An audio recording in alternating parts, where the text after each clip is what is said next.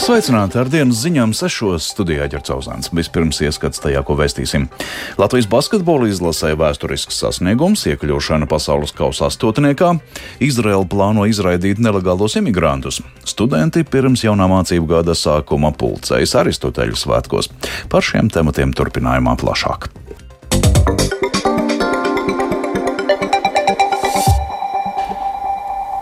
Un sāksim ar sportu. Latvijas vīru basketbola izlase šodien pasaules kausa fināla turnīrā ar rezultātu 104 pret 84 uzvarēja Brazīliju un iekļuva sacensību ceturdaļfinālā. Pēc pirmā puslaika Latvijai bija tikai trīs punktu pārsvars, bet izšķirošo izrāvienu mūsu komanda veica trešajā ceturdaļā. Rezultatīvākais Latvijas izlases rindās šodien bija Andrēs Gražulis ar 24 punktiem, 17 punktus guva Arturs Žagars. Bet vairāk jau tūlīt par šodienas spēli pastāstīs kolēģis Mārtiņš Kļavinieks, kurš pievienojies tieši redzē. Sveiks, Mārtiņš! Saki, kas bija šodienas pārliecinošās uzvaras pamatā? Jā, sveiks, Girt, un sveicināt arī Latvijas radio pirmā kanāla klausītāji. Vispirms jau visus apsveic ar šo uzvaru. Tā ir vēsturiski Latvijas basketbolā. Pirmo reizi Latvija vispār spēlē pasaules kausa fināla turnīrā un pirmo reizi sasniegs labāko astoņnieks. Bet, ja es tagad tiešām man šeit priekšā ir atvērts arī spēles protokols ar visiem statistikas rādītājiem, jā, gūtos punktus tu jau nosauci, bet, ja mēs tā veramies tajos atslēgas rādītājos, piemēram, metienu precizitāti, aktivitātei, divu punktu metieni, trīs punktu metieni, brīvmetieni, jeb tā sauktie soda metieni. Visur Latvijas izlase šodien bija labāka par Brazīļiem. Divu punktu metienos varbūt ne tik nospiedoši, bet trīs punktu metienu rādītājā nu, gan arī divreiz labāks uh, metienu procents un uh, savukārt soda metienus Latvijas izlases spēlētāji grozā raidīja visus, kurus izpildīja, un tas jau vien ir tāds labs garants, uh, ka uzvar būs, jo parāda pārliecību. Brīvmetiens ir tas, kas parāda spēlētājiem ir pārliecība vai nav par saviem spēkiem. Un visai Latvijas izlasē kopumā un katram atsevišķam spēlētājam tik tiešām pārliecība savās darbībās bija. Un nu, vienīgais mīnus, ko varbūt var atrast eh, šajos statistikas rādītājos, ir atlēkušās bumbas. Brazīļi tās izcīnīja vairāk gan summā, gan arī pie Latvijas izlases groza par astoņām vairāk nekā latvieši paši. Nu, tas noteikti jāņem kā laba mācība priekšdienām eh, tam pašam gaidāmajam ceturdaļfinālam. Bet, nu, ko piemēram par to, kā vispār līdz šim šajās turnīra piecās spēlēs, kurās izcīnīts četras uzvaras, ir veicies Latvijas izlasē, ko par to domā šodienas Latvijas komandas rezultatīvākais spēlētājs Andrejs Gražulis, to varam paklausīties. Mēs paši zinājām, ko mēs varam, un, un, un, un gājām laukumā un rādījām. Grupas abas bija ļoti sarežģītas. To parāda arī Spānija, Francija, tāpat Kanāda, Brazīlija. Tās nav vieglas spēles, kuras uzvarēt, un, un, un, es nenoniecinu arī pārējās komandas, bet mēs ar divām netikāmies, kā par viņām es nevaru spriest. Mēs palielam gājām uz to un, un, un, un zinājām, ko mēs varam. Varbūt citi negaidīja, varbūt ar visām mūsu likstām pirms tam, pirms sagatavošanās posmā un tā, bet uh, atbraucām gatavi. To es varu pateikt simtprocentīgi. Atbraucām gatavi un, un, un, un to mēs arī rādām laukumā. Jā, tālāk Andrejs Gražulis, viņš šodien bija rezultatīvākais Latvijas izlases rindās, tātad 20 punktu pārsvars beig beigās latviešiem, bet izšķirošā bija trešā ceturdaļa, kad tika panākts tas izšķirošais pārsvars, tā tika uzvarēta ar 14 punktu pārsvaru, un ļoti labi, ka atgriežoties pēc puslaika pārtraukuma ar šādu enerģiju un rezultatīvitāti Latvijas izlase noslieca svaru kausu sev par labu. Tātad pasaules labāko astoņnieks, un tur arī Latvijas komanda ģirt. Jā, pret ko tad Latvijas izlase spēlēs ceturdaļfinālā, vai tas jau ir kļuvis zināms? Pagaidām vēl nav, bet eh, skaidrs, ka ir divi varianti. Tā būs eh, Vācija vai Slovenija.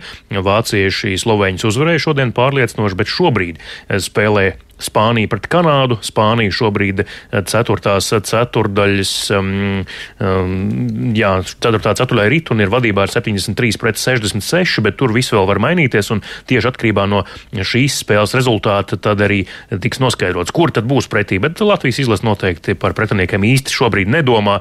Vairāk par to arī pastāstīs jau tūlīt izlases galvenais treneris Luka Bankī, kas ir spēlētāju uzdevumi un kā viņš palīdz viņiem tos realizēt. Yes, I'm very uh, happy, proud of the guys. Esmu ļoti priecīgs un lepns par puišiem, ka viņi parādīja šādu sniegumu. Tas apstiprina, ka dodamies pareizajā virzienā. Mēs šeit neesam vienkārši, lai izpildītu norādes, bet gan demonstrētu labu sniegumu. Trenera uzdevums ir padarīt spēlētājus autonomus. Katru dienu strādājam, lai iedotu pareizās norādes, bet viņi ir atbildīgi par to izpildi laukumā. Jā, tālāk Luka Banki, Latvijas basketbola izlases galvenais treneris. Vēl par tiem pretiniekiem ģirt var piebilst, ka eh, tātad, ja Spānija šodien uzvarēs Kanādu, tad Latvija spēlēs pret Sloveniju. Ja savukārt, ja kanādieši uzvarēs Spāņus, tad latviešiem būs jātieks ar Vāciju. Nu, un kad tad Latvijas komanda dodas uz Manilu? Tas vēl pagaidām skaidri nav zināms, bet zināms ir tas, ka 6. septembrī Manilā ir jāizvada ceturdaļa fināla spēle tātad pret vāciešiem vai slovēņiem. Nu, tā tad eh, vēl ir gan rītdiena, gan parītdiena, mm, eh, lai nokļūtu Manilā. Visticamāk, rītdien arī lidojums, un tad jau komanda iekārtosies arī Filipīnu galvaspilsētā. Jā, paldies Mārtiņ, Mārtiņš Kļavinieks par to, ka Latvijas vīru basketbola izlasē šodien vēsturisks sasniegums pasaules kausa fināla turnīrā uzvar pret Brazīliju un iekļūšana ceturdaļa finālā.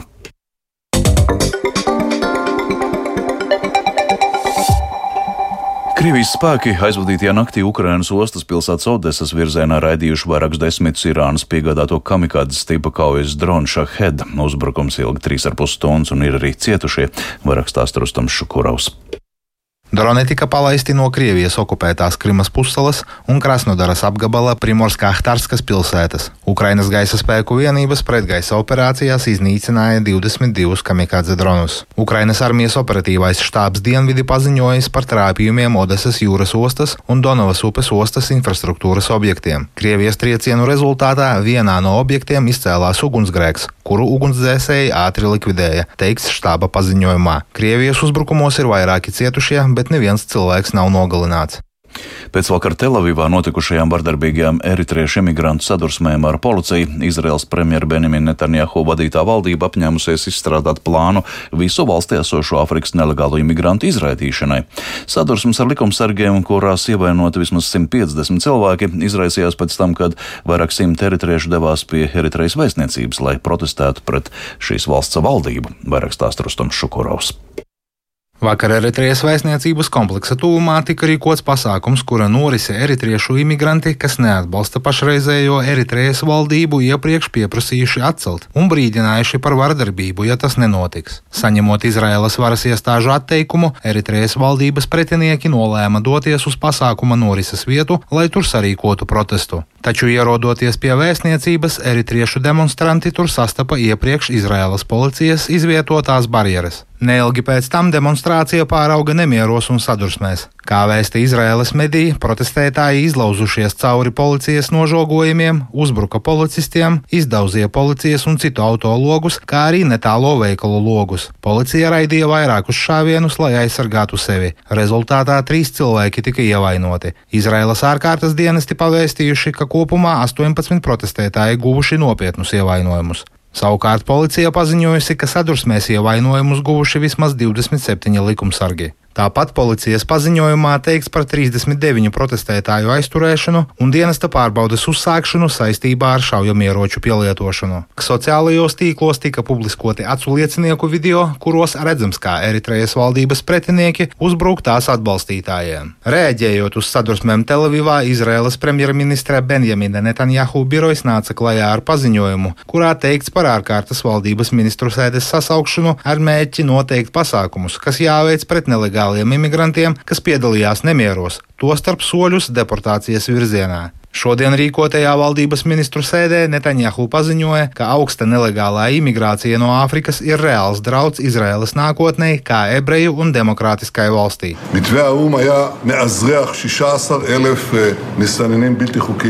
Vienošanās ar ANO legalizētu 16 tūkstošus imigrantu un dotu milzīgu stimulu simtiem tūkstošiem, ja ne miljoniem afrikāņu ierasties Izraēlas valstī. Tāpēc tas ir slikts risinājums, un ik viens, kas to ierosina, tikai sāsina situāciju. Pastāv nopietna problēma ar nelegāliem imigrantiem Telavivas dienvidos un citviet, bet vakar notikušais pārkāpja jebkādas sarkanās līnijas.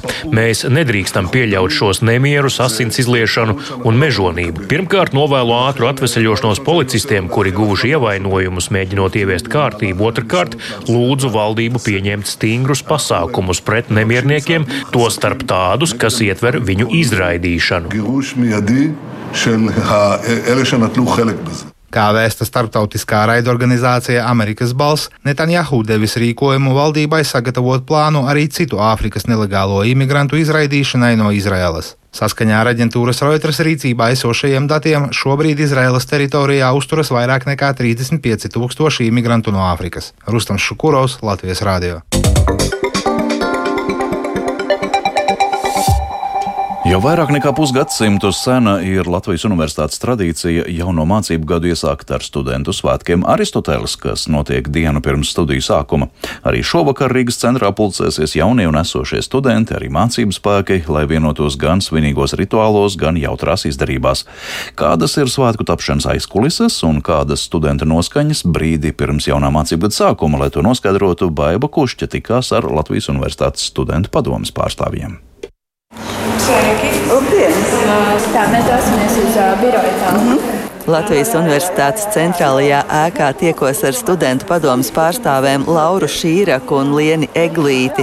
Dodamies uz studentu padomus biroju, kur īpaši intensīvs darbs šobrīd svētku galvenajam rīkotājam Denisam Celuiko un padomus priekšsēdētājai Evai Borskai. Nu, atnāca 12. un strādā līdz vakaram. Aptuveni tā, protams, vienmēr rodas kaut kāda ugunsgrēka, kur ir jādzēš daudz ārējo un iekšējo partneri, ar kuriem jāsaskaņo lietas. Mēs visu vasaru esam pie šī strādājuši diezgan veiksmīgi. Līdz ar to šobrīd jau parādās tie patīkamie tauriņi, teiksim, tā ir pasākuma gaidas. Galvenais Aristoteļa uzdevums kā pasākumam ir rosināt jauno studentu interesi par uh, savu universitāti. Šeit jebkurš students ir gaidīts. Šeit ir lielākie studentu svētki, un uh, mēs ar katru gadu cenšamies pārspēt paši sevi, pierādīt to, ka mēs varam vairāk un vairāk. Svētkos jauni radoši risinājumi kombinēti ar stabili nemainīgajiem rituāliem, kas ir svinīgas uzrunas un dziesmas oficiālajā daļā, tad gājiens pa vecrīgas ielām uz centrālo ēku, kur jau notiek neoficiālā daļa, ko pusnaktī vainago zvērsta došana. Visi metas ceļos, rektors lasa zvērestu, visi zvēr līdzi un ir forša atmosfēra, un tad mēs visi jauki dziedam studentu himnu. Līdzās valsts augstākajām amatpersonām svētku oficiālajā daļā klātesošos uzrunā arī studentu padomes vadība, un padomes priekšsēdētāja Eva Borska izcels gan plašās iespējas, ko studentiem piedāvā studiju un arī ārpus studiju dzīve, gan arī nevairīsies vērst uzmanību uz netik pozitīviem aspektiem. Mūsu izglītības problēmām, kas ir vairāk nacionāla līmenī, finansējuma trūkumam un daudz kam citam, par cik arī klātesoši būs tiešām valdības pārstāvji. Denis Celuiko kā vislielāko problēmas sakni min to, ka ne augstākās izglītības, ne zinātnes finansējums joprojām nav atgriezies pirms krīzes līmenī, un runa ir par 2008. gada krīzi pirms 15 gadiem. No finansējuma trūkuma loģiski ir ierobežotas attīstības iespējas, kas neļauj nodrošināt konkurētspējīgas ar privāto sektoru algas pasniedzējiem, kur nu vēl piesaistīt pasaules līmeņa ārzemju mācību spēku cilvēkus, kas gribētu gan šeit pasniegt, gan šeit attīstīt zinātne bet universitātei netrūkst arī ar ko lepoties, un kā piemēru Eva Borska min akadēmiskā centra attīstību. Mūsu akadēmiskais centrs, kas plaukst un zeļ, pateicoties tam, ka vairāk gadu garumā tiešām ir ieguldīts milzīgs darbs, lai būtu iespējams piesaistīt atkal šo pašu finansējumu, ko nav iespējams iegūt no valsts tik lielā mērā, bet arī no dažādiem gan Eiropas projektiem, gan arī aizņēmumu veidā. Jo mūsu akadēmiskais centrs ir arī mūsu nākotnē, kas vairāk gadu garumā nesīs arī šos augļus, kad visas praktiski praktiski fakultātes atradīsies tur, un mēs visi būsim kopīga vienota LU saime. Latvijas Universitātes saime šodien ar Aristoteļa svētkiem atklāja jauno mācību gadu. Šogad uzņemto jauno studentu skaits ir lielāks nekā vairākos iepriekšējos gados. Baiba Kušče, Latvijas radio. Līdz ar to izskan dienas ziņas sešos tās producēja Vija Brēms, par labskaņu rūpējās Katrīna Bramberga un Kaspars Groskops studijā Ģercauzāns. Yeah. Rīgā šobrīd 19 grādi, dienvidu vējš 3 m2, atmosfēras spiediens 768 mm un gaisa mitrums 73%. Naktī Latvijā mainīgs mākoņu daudzums, lokāli īslaicīgs lietus, dažviet migla, lēns vējš, gaisa temperatūra 9,12 grādi, piekrastē 11,15. Rītdienā mainīgs mākoņu daudzums bez ievērojumiem nokrišņiem, rietum, dienvidrietum vējš līdz 5 m2, gaisa temperatūra 18,21 grāds. Laika tips rīt otrais un tas ir Leaks.